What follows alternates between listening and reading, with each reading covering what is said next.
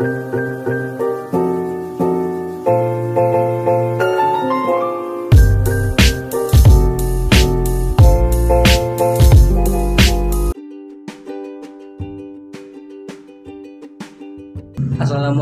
warahmatullahi wabarakatuh. Waalaikumsalam warahmatullahi wabarakatuh.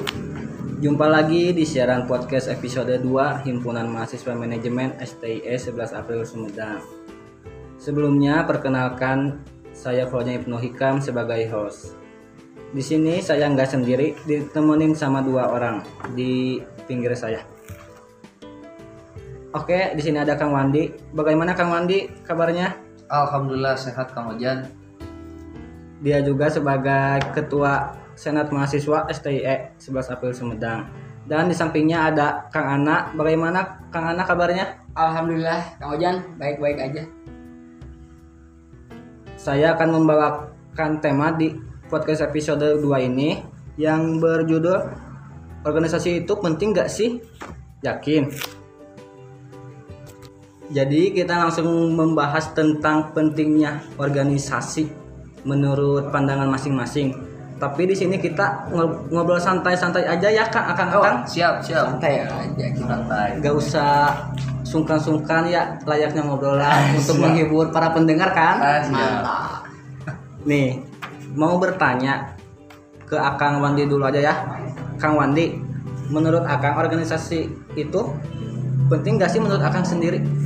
Kalau menurut saya pribadi ya, selama saya belajar berorganisasi Kang Ojan, saya merasakan dampaknya gitu dan alhamdulillah itu terasa sekali. Jadi menurut saya organisasi ini sangat penting gitu untuk bagaimana kita memanage sesuatu entah itu dari mulai dari sisi kehidupan kita sampai ke sisi pembelajarannya gitu. Jadi di organisasi ini gak hanya tentang kita menambah pertemanan, tapi di sini juga kita banyak belajar entah itu membangun karakter kita, kepemimpinan kita, atau memanage sesuatu untuk ke depannya gitu.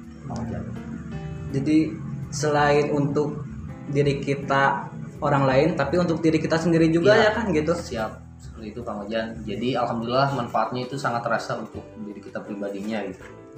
Jelas-jelas sih. Siap. Nah kalau menurut Kang Ana nih, pentingnya organisasi menurut Akang sendiri gimana sih? Kalau menurut Ana ya Kang, gini ya. eh, Ana juga nggak bisa apanya menghakimi eh, jawaban ini. Maksudnya ketika jawaban ini orang lain menjawab kan belum tentu sepenting apa yang Ana katakan juga gitu. Nah makanya kalau dari menurut ya menurut Ana pribadi ditanya penting atau tidak buat Ana sendiri ya penting gitu. Apalagi berkaca dengan prodi atau jurusan Ana sendiri kan manajemen ya. Jadi mungkin Kang Wandi juga bisa tahu lah atau Kang Ojan kan kita sama-sama manajemen. Jadi apalagi belajar tentang pengetahuan manajemen di sana kan ada eh, perilaku organisasi gitu. Jadi mungkin dengan adanya mata kuliah yang ada, terus apalagi hobi kita sebagai aktivis di mahasiswa gitu kan di kampusnya kita sendiri, ya itu suatu apanya pencapaian yang luar biasa dan sangat penting buat anak gitu sih. Iya emang sih. Saya juga bahkan ya pernah baca atau pernah mendengar dari tokoh public figure gitu. Organisasi itu penting. Nah, setelah saya kaji itu emang penting karena kita juga kan sebagai manusia makhluk sosial. Iya. Jadi butuh bantuan juga, butuh pertolongan nggak bisa individual gitu. Ya, betul. Emang sepenting itu isi organisasi. Nah, ada pertanyaan kedua nih. Ke Kang, ke Kang Wandi dulu ya sebelumnya. Boleh boleh boleh. Kang Wandi, kenapa sih Akang bisa sampai jatuh cinta terhadap organisasi? Oh siap. Ini boleh cerita dulu dari awal ya? Oh, boleh, nggak apa-apa.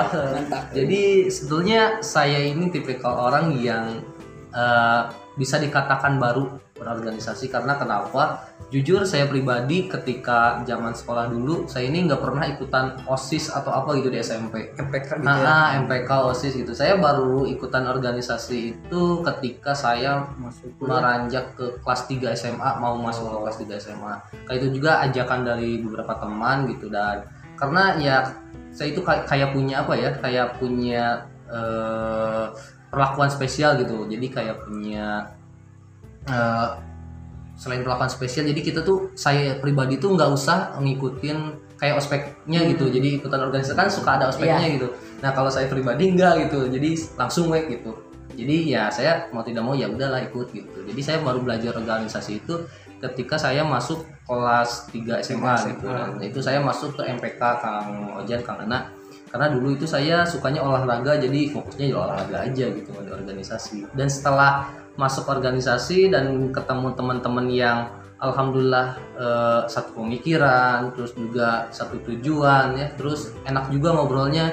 Jadi saya nyaman gitu oh ternyata organisasi ini banyak eh, dampak positifnya untuk kitanya gitu apalagi untuk pribadinya kita gitu. Selain menambah pertemanan ternyata lewat organisasi juga saya eh, dapat mengetahui karakter saya itu seperti apa gitu gitu Kang Ujan dan eh, setelah saya berkecimpung di dunia organisasi dan saya juga kebetulan kemarin di Hima sekarang di Senat alhamdulillah ternyata ya mungkin yang bikin jatuh cintanya itu karena kita ini dapat mengamati beberapa karakter gitu. Apalagi di eh, organisasi kampus kan banyak gitu ya eh, sifat eh, orang terus idealisnya juga lebih lebih dari eh, karakter SMA gitu ya. Jadi lebih enak aja gitu mereka oh karakter si Kang Ana seperti ini Kang Ojan seperti ini dan itu juga sebagai bahan introspeksi sayanya gitu. Jadi oh saya ini harus memperlakukan Kang Ojan seperti ini karena karakter Kang Ojan seperti ini gitu sih Kang Ojan jadi yang membuat jatuh cintanya itu karena selain menambah pertemanan saya juga mampu belajar gitu di organisasi itu Kang Ojan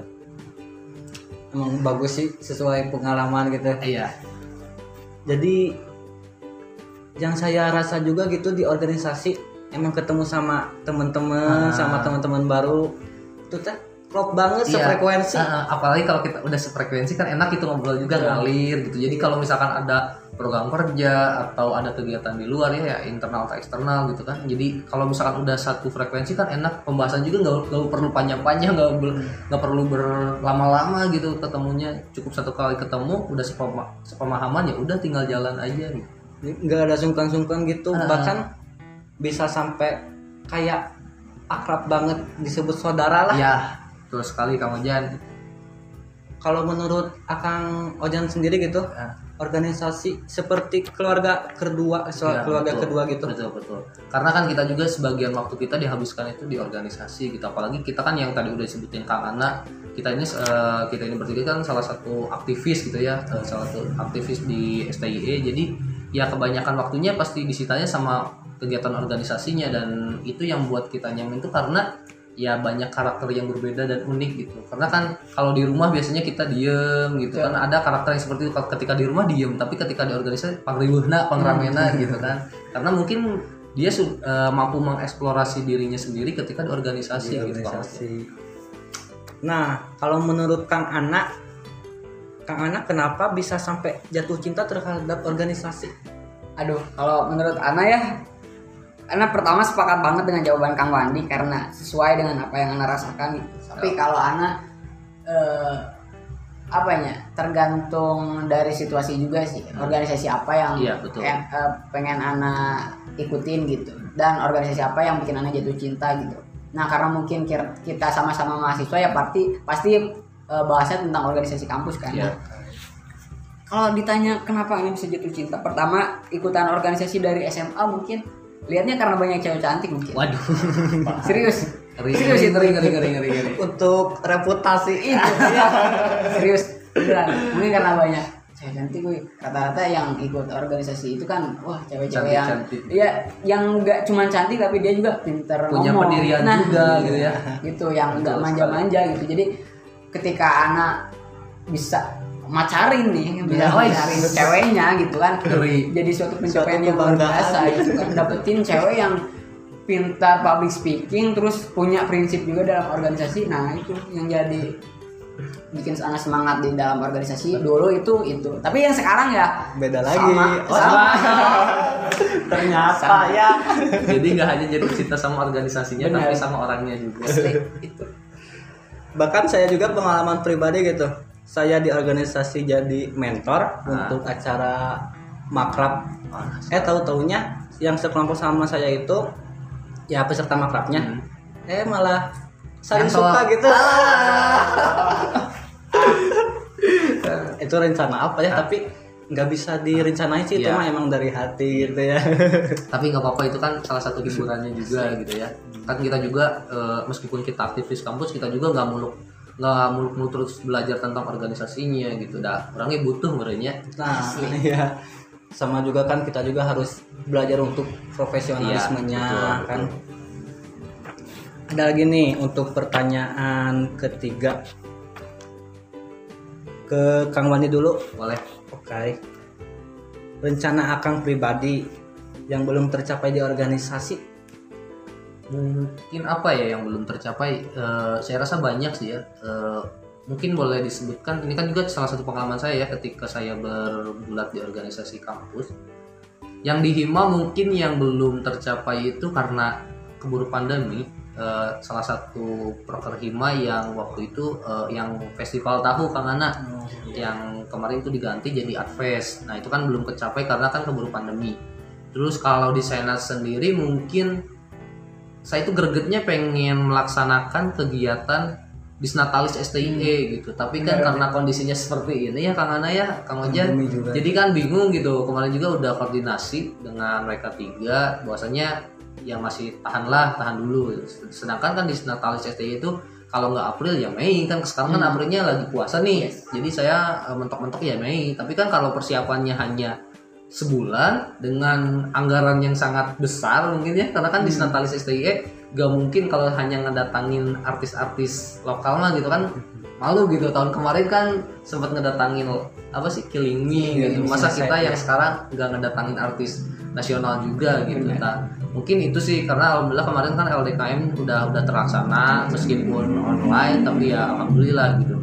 Yang mungkin itu sih yang belum terlaksana Kang Ojan di Natalis jadi agak greget gitu sama gitu ya Gak apa-apa sih, dah. Saya juga nggak harus terus capai terus Ah, capai, betul, tapi kan betul. itu juga masih di batas wajar. Iya, kenapa betul. tidak bisa tercapai gitu? karena ada kendala Ada, gitu. iya ada kendala, nggak semena-mena karena ah, nggak karena mau ah kelalaian nggak gitu iya, ya. bukan karena kelalaian. Nah kalau menurut Kang Ana di di organisasi Akang Ana gitu, rencana Akang pribadi yang belum tercapai di organisasi apa sih? sekarang mungkin anak sekarang di Hima mungkin ya. Jadi apa ya? Sebenarnya mungkin eh, anak mewakili teman-teman aktivis organisasi kampus ataupun mana pun ya. Apalagi yang punya periode hanya satu tahun. Iya. Dari anak sendiri gitu ngelihat eh, jeda atau atau apa ya? Periode waktu yang dikasih ke aktivis mahasiswa gitu. Misalkan ada kan Kang Wandi eh, menjabat sebagai ketua senat cuman satu tahun terus saya juga sebagai ketua hima menjabat sebagai ya cuman Satu satu, tahun. tahun gitu kan nah sebenarnya itu nggak cukup gitu Terlalu pendek Ya gitu, ya. Jadi apa ya? eh, saya tuh setuju banget dengan statement Kang Ridwan Kamil dulu. Untuk menjabat eh, presiden itu dibutuhkan lebih dari lima tahun gitu. iya betul Ya begitupun dengan kondisi kita sekarang gitu. Ya. Sebenarnya nggak cukup gitu untuk menjabat sebagai eh, ketua hanya dalam periode satu tahun gitu. Jadi eh, kira-kira hanya mungkin eh, program apa yang belum terlaksana dan greget juga nih pengen ngelaksanain mungkin dari program hima tuh pengen ngadain eh, apa disnatalis jurusan gitu. Disnatalis jurusan karena anak sendiri banyak banget eh, dikasih tahu sama teman-teman di luar kampus wah ada nih gitu eh, disnatalis jurusan gitu. Bahkan nggak cuma disnatalis atau prodi aja gitu. Hmm. jadi itu pertama gitu. Karena eh, anak kan suka nih di kosan. Betul nih anak anak anak ngekos di sini. Suka banget dengerin Bujang Shooter sih dia. Sambil dengerin lagu sambil mikir juga Oh. kapan ya saya bisa ngundang di Shooter ke kampus gitu. Ke Sumedang. Nah ke Sumedang gitu. Semoga Soalnya- cangcuternya denger ya. Serius asli ya benar jadi bener banget itu emang eh, apa ya rencana yang sampai sekarang ini masih anak pikirin gitu ke depan. Betul sekali. gitu sih. Itu aja sih kan Emang betul sih apa yang dikatain Kang Ana ya tadi. Soalnya kan kita itu ketika kita buat sebuah proker atau uh, program gitu ya atau program untuk untuk apalagi yang uh, skalanya besar gitu. Itu nggak nggak cukup waktu untuk satu bulan dua bulan untuk persiapannya gitu. Karena kan kita dana itu kan susah ya dicari kang raya gitu. Iya. Apalagi kan iya. kak e, di kampus ini kan kita apalagi Sumedang kota kecil gitu ya. Jadi bingung kalau misalnya cari dana dengan jangka waktu hanya satu bulan dua bulan gitu. Jadi emang harus diperlukan e, periode yang lebih gitu nggak hanya iya. satu periode gitu karena ya.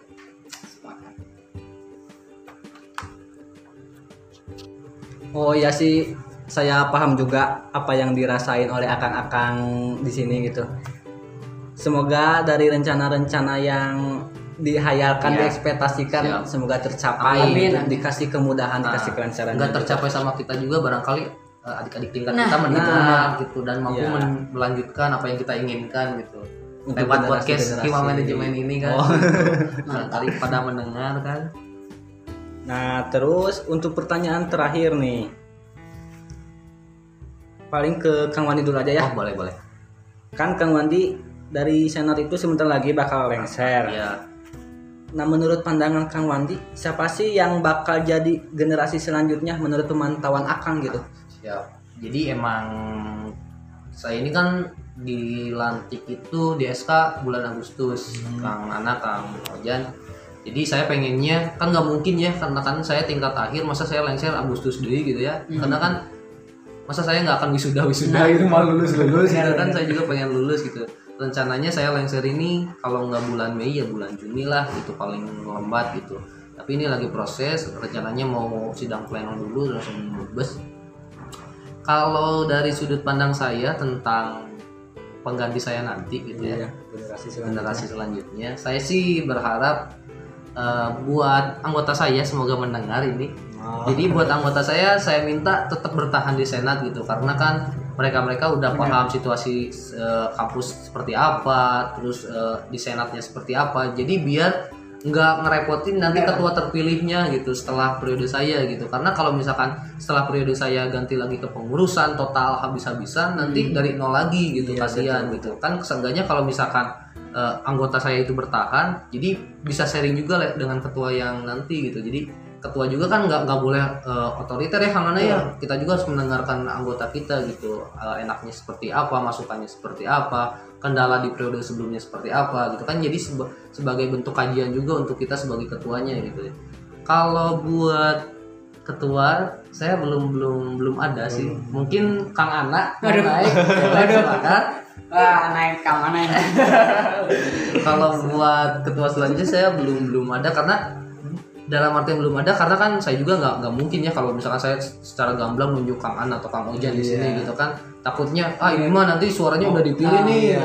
Nah, kan takutnya kayak gitu kan estimasi estimasi Ah, gitu. gitu takutnya kan Siapa stigma ya? dari teman-teman mahasiswa yang lain ah karena orang naik gitu udah ketuanya juga udah ditunjuk sama Hmm. Kang Wandi misalkan kan bisnisnya ada seujon ke arah sana gitu jadi ya saya harap sih dari teman-teman anggota ada yang mau naik terus kalau dari hima-hima juga barangkali Kang Ana mau naik ya silahkan gitu saya su- eh, insya Allah support gitu ya. Yang penting mah jaga kekondusifan aja gitu. Jangan terlalu ngegas deh gitu. Karena kan kita udah ngebangun citra lagi tolong jaga gitu. Jadinya yang namanya organisasi mah nggak tera- jangan terlalu pro ke mahasiswa jangan terlalu pro ke lembaga juga. Benar. betul ya Kang Ana ya? Yang penting kita kan sebagai mahasiswa Ah, gitu. gitu. Kita sebagai ketua itu ibarat bahasa Sunda mah kudu bisa ngigelan gitu. Jadi kita tuh harus berada di tengah-tengah gitu. Ketika mahasiswa salah ya kita kasih penjelasan. Ketika lembaga yang salah ya kita kasih tahu aspirasi dari mahasiswa itu seperti ini gitu. Keinginan dari mahasiswa itu seperti ini. Mungkin itu sih Kang Ojan. Jadi kalau misalkan ditanya siapa nih kandidat selanjutnya? Saya nggak bisa jawab Kang Ojan. Mungkin Kang Ana aja yang mau jawab. Barangkali di Kang Ana ada. Di menurut Kang Ana menurut Kang Ana menurut pantauan Kang Ana perhatian Kang Ana siapa sih generasi selanjutnya di organisasi Akang Kalau Ana ya melihat ini ini senat atau gimana? Gimana? di Bebas lah. organisasi Akang dulu Kang di Hima siap. Oh iya iya. Ya, jauh ini sih jujur aja ya, Emma ya. Apalagi anak eh, di sini sebagai ketua gitu maksudnya dalam arti pandangannya lebih lebih luas lagi Iya, lah ke bawah betul. gitu. Belum ada gitu. Belum ada kandidat yang eh, sesuai dengan apa yang semestinya menjadi kriteria sebagai ketua hima gitu. Tapi untuk jadi anggota anak rasa banyak gitu. Dan sama sekali eh, apanya anak rasakan perbedaannya sekarang gitu. Dan anak juga nggak mau kalah sama- dari Kang Wandi gitu. Kang Wandi tadi mewanti-wanti untuk ke anggotanya untuk tetap bertahan. Anak pun sama gitu. Karena dari kemarin pas regenerasi Hima itu eh, anak menitipkan ke alumni Hima gitu makanya nih khususnya Agung Aji Aryan itu kan eh, orang-orang yang telah menjabat di Hima itu sebagai eh, ya hampir tiga tahun lah sesepuh lah Hmm, gitu. Hampir tiga periode berturut-turut gitu. Itu atas dasar eh, permohonan anak gitu ke mereka karena anak nggak mau nih kehilangan eh, sepuh-sepuh di Hima gitu. Sedangkan ini Hima kan baru-baru eksis lagi nih setelah vakum gitu. Jadi anak mohon sama Aryan, sama Agung, sama yang teman-teman lain gitu yang lain. Dan alhamdulillah Gio, Aji, teman anak pun sama gitu. Jadi sama-sama kita ada di tiga periode di Hima sendiri gitu. Jadi anak mewanti-wanti untuk pengurus Hima yang sekarang nih yang dengar umat ulah keluarnya kudu bertahan ya. bertahan di Hima soalnya kagok marane geus apal gitu. Nah, soalnya kan ai gini Kang Ojan Tangna nambahin mungkin ya karena kan kalau misalkan kita udah satu periode nih otomatis kan kita udah sefrekuensi Nah, ya udah itu. sepemikiran Nah, gitu iya. jadi enak kalau misalkan tinggal nerusin kan enak gitu kalau misalkan ada anggota maksudnya oke lah ada anggota masuk tapi anggota yang lainnya tetap gitu Nah, kan bisa dibantu gitu Iya. bagaimana caranya mereka sefrekuensi sama kita gitu jadi biar nggak keteteran juga gitu. Bener. kalau misalkan hanya beberapa orang kan susah gitu untuk memulai laginya gitu terus ini juga nih sedikit tambahan buat temen-temen yang baru belajar berorganisasi bukan niat merendahkan tapi eh, organisasi SMA sama eh, kampus, kampus itu cukup berbeda ya karena ya gitu lingkupnya gitu. Ah, kalau kampus kalau di sekolah mungkin ada bantuan dari Hmm, guru-guru gitu lebih Diwapan dominan lah. Heeh, diwapan kalau misalkan di kampus sendiri ah jauh-jauhan lah gitu di wapan mah gitu ya. Kita harus emang nyari sendiri gitu. Nah jadi saya titipin buat eh, rekan-rekan semua khususnya mahasiswa STIG kalau mau belajar sok ke hima dulu gitu ya. Jadi takutnya nanti yang misalkan nih kang Ana naik di senat ternyata yang orang-orang masuknya teh baru baru bisa Hmm. megang nih organisasi. Aduh masih meraba-raba. Kan nanti jadi repot ke kang Ananya kalau misalkan nih kang Ana jadi naik gitu. Misalkan kang Ojan jadi wakilnya misalkan gitu. Jadi kan kasihan oke gitu ke ke sosok-sosok pemimpin yang padahal mah tinggal perung gitu Bener. apalagi kan di senat gitu yang lingkupnya lebih luas lagi gitu Benar, Jadi, sepakat kalau mau belajar alangkah lebih baiknya sok ke hima dulu dan dan juga di hima dikasih pembelajaran yang lebih gitu jadi Iya. ketika udah merasa cukup sok naik ke senat kan tinggal nerusin enak gitu Nah, ya. Kang Ana ya Tapi Kang dari dari pemahaman Akang tadi Ah. yang saya dengar nah, gimana kalau dirubah aja untuk syarat masuk senat tuh harus ada sertifikat hima dulu. Iya, nah gitu. Soalnya kan emang dari dulu kan digadang-gadang setiap ada persyaratan gitu ya harus terlampir ikutan organisasi eh, minimal UKM atau HIMA satu Nah, periode. atau UKM juga bisa Nah, sih. Tapi kan ke sini sininya gininya ah beren UKM karena kan mak- makanya gitu eh, saya pribadi ketika di HIMA terus juga karena ya di HIMA manajemen terus sekarang alhamdulillah di senat gitu saya kan suka suka sok wayahna mau tidak mau setiap organisasi entah HIMA atau UKM kasih sertifikat gitu sebagai bentuk penghargaannya jadi sebagai selain kan nanti kan kita juga di SDG rencananya mau ada SKPI gitu surat Hmm. keterangan pendamping ijazah kan itu bisa dilampirkan Nah, itu juga sebagai salah satu syarat Benar. kita ikutan senat gitu Benar. nah saya udah ikutan organisasi ini misalkan eh, hima manajemen dan ini ada sertifikatnya jadi kan kita mau masukin juga oh ini udah udah terpercaya nih Iya. ketua juga kang Ana otomatis kan dididiknya juga wah kita saya juga ngobrol sama kang Ana nyambung gitu apalagi sama anggotanya gitu gitu jadi saya pengennya itu seluruh eh, UKM Ormawa gitu ya. Gitu kalau bisa bikin gitu kan sekarang kalau yang baru bikin itu yang baru saya tahu hima akuntansi sama manajemen sama UKM eh, seni Oh, itu kan ya. baru bikin gitu sedangkan yang lainnya kan belum semoga yang lainnya bisa ngikutin menyusul lah. Heeh. Emang emang organisasi kampus tuh emang berbeda. Iya. Saya juga sependapat lah sama Ah. Kang sama Kang Wandi, Kang Ana juga. Ya karena dilihat itu kampus tuh miniatur negara Ah, di mana lembaganya adalah pemerintahannya, di mana terus organisasinya adalah yang eksekutifnya dan mahasiswa Ah. adalah rakyatnya. iya betul Jadi kita tuh harus benar-benar bisa menyeimbangkan kehidupan dalam Ah, kampus betul, gitu. betul. sebagai mahasiswa sebagai organisator juga Ah. gitu. Nah, itulah perbincangan dari kita. Jadi gimana menurut kalian nih organisasi itu penting nggak? Yakin nggak penting? Atau yakin penting? Silakan disimak ya, da- didengarkan dari podcast episode 2 ini. Sebelum sebelum kita berakhir, ada closing statement nih dari masing-masing. Pertama dari Kang Wandi dulu ya. Kang Wandi gimana closing statement dari Akang? Oh, siap mungkin sedikit aja ya Kalau dari saya selagi muda dan selagi di kampus maka belajarlah berorganisasi gitu. Sampai kalian merasakan eh, prestasinya gitu. Prestasi untuk diri pribadi ataupun untuk kampus. Itu sih dari saya. Keren keren keren. Nah, selanjutnya menurut Kang Ana closing statement menurut Akang gimana sih? Iya. Em, dari anak pribadi sebagai closing statement mungkin di organisasi itu nggak nggak cuman apa ya maksudnya nggak ada tuntutan apakah kamu harus menyelesaikan sesuatu itu atau eh, enggak gitu terus atau atau ada eh, intinya teman-teman di sini yang mau gabung ke organisasi jangan ada beban apa-apalah gitu sebelumnya karena ya enjoy aja gitu di organisasi. Dan organisasi itu bukan tentang eh, menyelesaikan program atau enggaknya gitu tapi tentang mau atau tidaknya gitu. Yang pertama mungkin kamunya mau nggak gitu gabung di organisasi? Ya kalau mau ya udah gitu. Karena ketika kamu udah eh, mengatakan siap itu kan siap sebagai aktivis organisasi mah siapnya itu memiliki arti janji gitu. Jadi makanya ketika kamu udah mau dan siap terhadap eh, organisasi sendiri jadi makanya kamu harus siap juga dengan segala resiko yang kamu terima selama organisasi itu sendiri itu sih kang Keren keren sih, keren juga emang kalian keren keren. lah biasa wae Keren Kang Ojan ya. Eh, asli Jadi segitulah dari perbincangan kita dari episode 2 podcast Himpunan Mahasiswa Manajemen ini. Terima kasih dan kami ucapkan wassalamualaikum warahmatullahi wabarakatuh. Waalaikumsalam warahmatullahi wabarakatuh.